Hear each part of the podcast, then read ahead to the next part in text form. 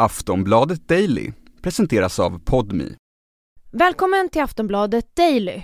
Det blir inrikespolitik idag. Vi ska sammanfatta det minst sagt röriga läget efter onsdagens alla turer.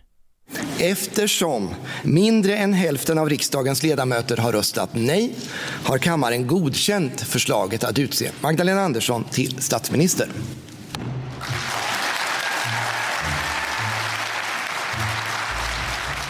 Socialdemokraternas partiledare Magdalena Andersson tog tårögd emot applåder när hon med minsta marginal valdes till Sveriges första kvinnliga statsminister. Ja, det varade ju inte länge, men vi återkommer till det.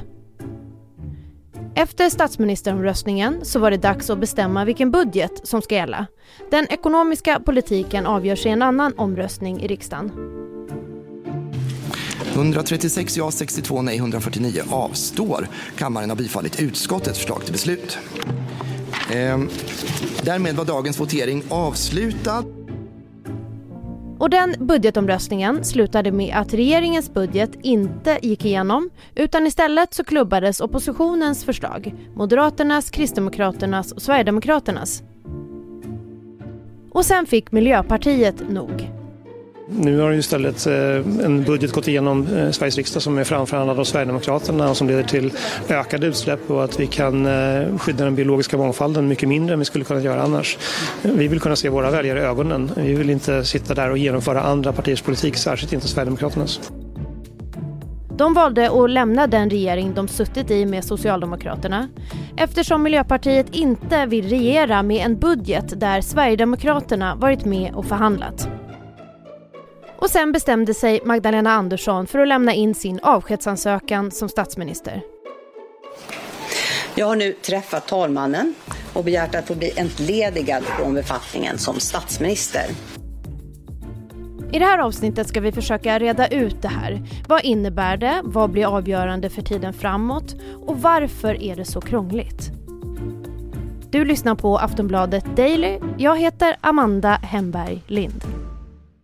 Gäst i avsnittet det är du, Lena Melin, Aftonbladets inrikespolitiska kommentator. Hej! Hejsan!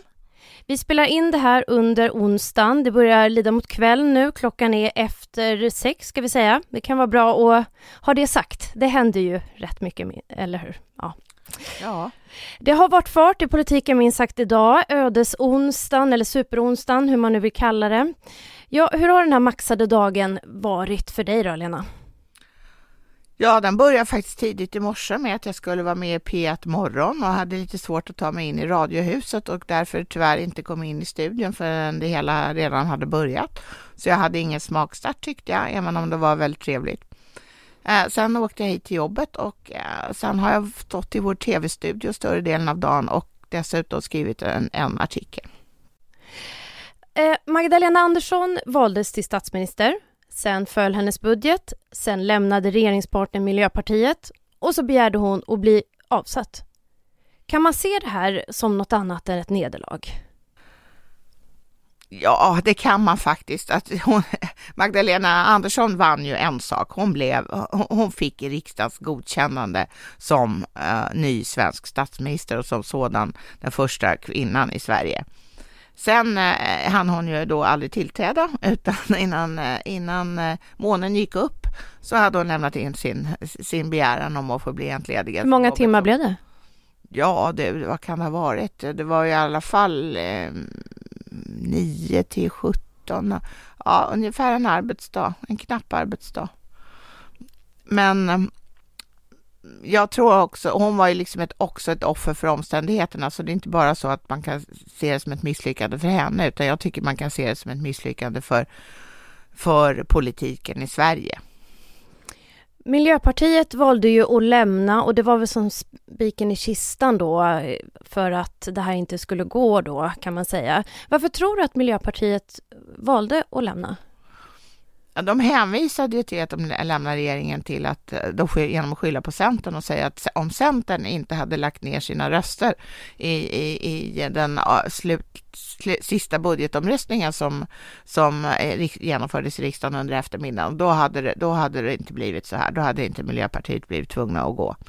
Eh, det där tror jag är rena rama bullshiten. Eh, för jag, min uppfattning är att Miljöpartiet har ett tag funderat på den här frågan, vad de vinner mest på att sitta i regering eller att vara återstående tid fram till valet utanför. Och jag tror att eh, de har kommit fram till att det är att ha en friare roll än att sitta i regeringen och de man skyller nu helt enkelt på Centerpartiet. Centerpartiet gjorde nämligen det som är praxis i svensk politik. De röstade på sitt eget budgetförslag i riksdagens budgetomröstning under eftermiddagen och sen la de ner sin röst i de följande eh, omgångarna innan man kom till slutet i den voteringen.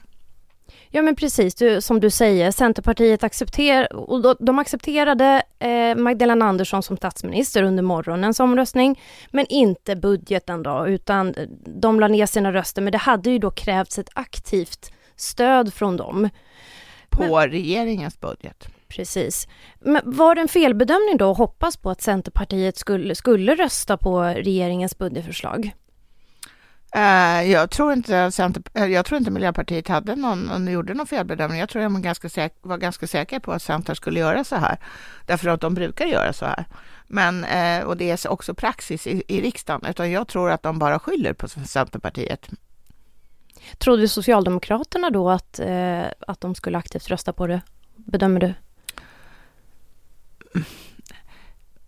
Ja, Annie Lööf sa ju redan i somras att om vi får, som, eh, får en förhandling som vi tycker är bra om det här med äganderätten till skogen och eh, det upp, upplättade strandskyddet för byggnation längs eh, sjöstränder och åar och sånt, då kommer vi att Eh, Eh, släppa fram Stefan Löfven som det var frågan om då eh, som statsminister. Och de har upprepat samma sak när det gäller Magdalena Andersson nu. Däremot har de ju aldrig lovat någonting när det gäller budgeten och de har heller inte förhandlat om budgeten så det finns ju ingen anledning för dem egentligen att rösta på den och det gjorde de inte heller. Vi tar en kort paus här med ett meddelande från vår sponsor.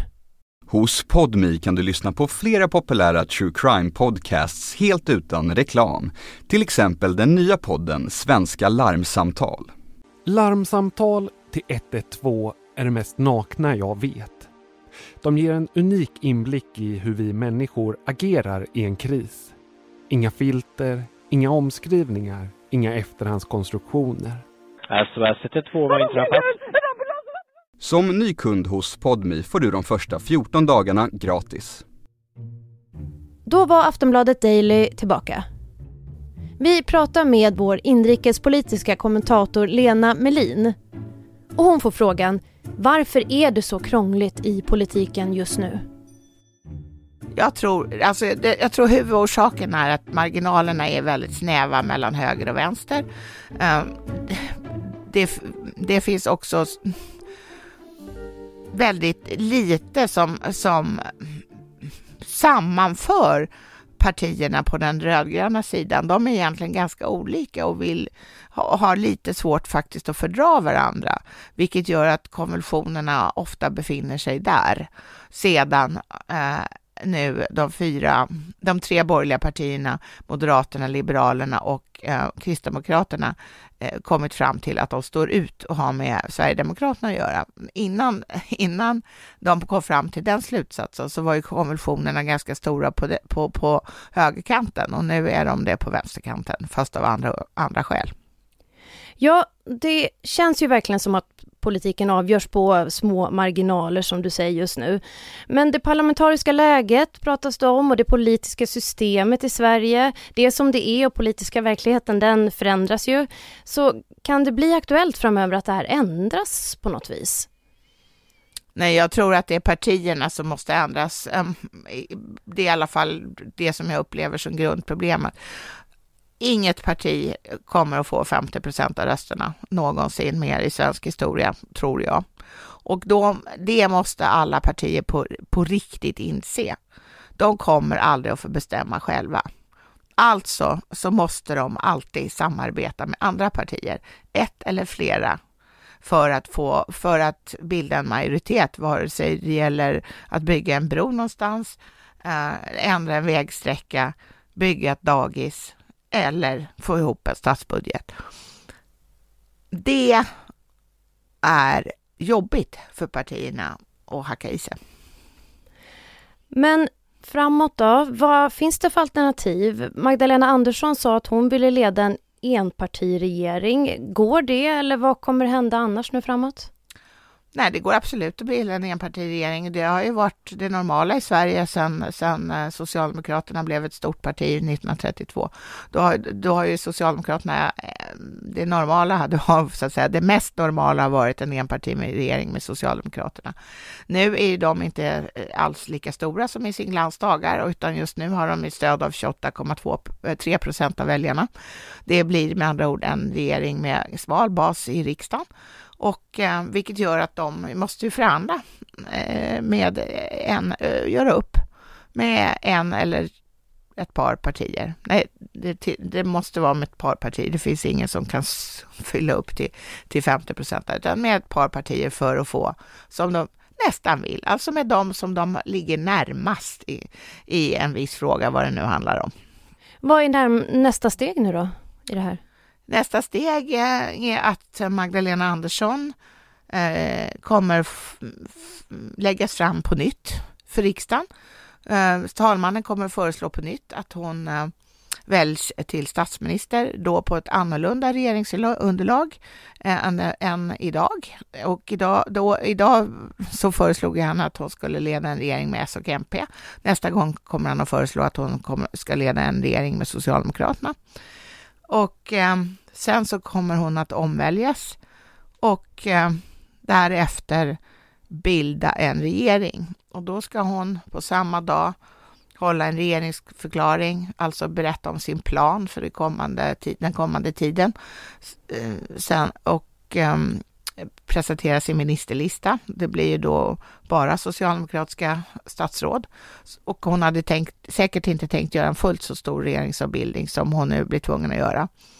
Och eh, sen kommer de att gå iväg till kungen och han kommer då hålla en så kallad skifteskonselj. Och därefter så har regeringsskiftet ägt rum. Då kan Stefan Löfven åka hem till sommarstugan i Örnsköldsvik och eh, han är inte längre statsminister utan den nya statsministern heter Magdalena Andersson.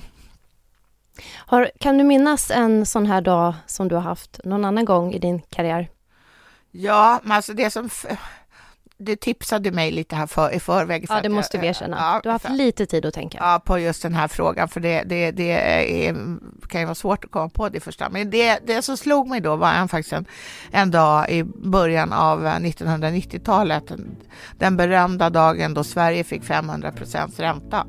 Eh, att riksdagens styrränta höjdes till 50, 500 procent efter att först har legat på 75 procent och några timmar om jag minns det hela rätt. Alltså det var väldigt omtumlande och när man då den här flashen kom att, att eh, Riksbanken hade höjt styrräntan till 500 procent, då trodde man ju att det var fel, att det var något som hade, alltså det var nolla för mycket eller någonting. Man kan inte ha 500 procent ränta.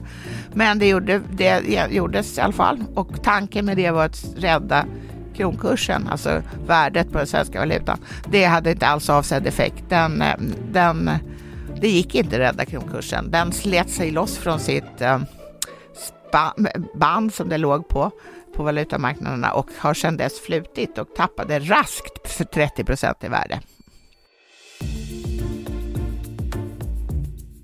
Det säger Aftonbladets inrikespolitiska kommentator Lena Melin. Det är nyhetspodden Aftonbladet Daily du har hört. Jag heter Amanda Hemberlind och redan imorgon så kommer ett nytt avsnitt från oss. Så jag hoppas att vi hörs igen då. Tack för nu. Du har lyssnat på en podcast från Aftonbladet. Ansvarig utgivare är Lena K Samuelsson.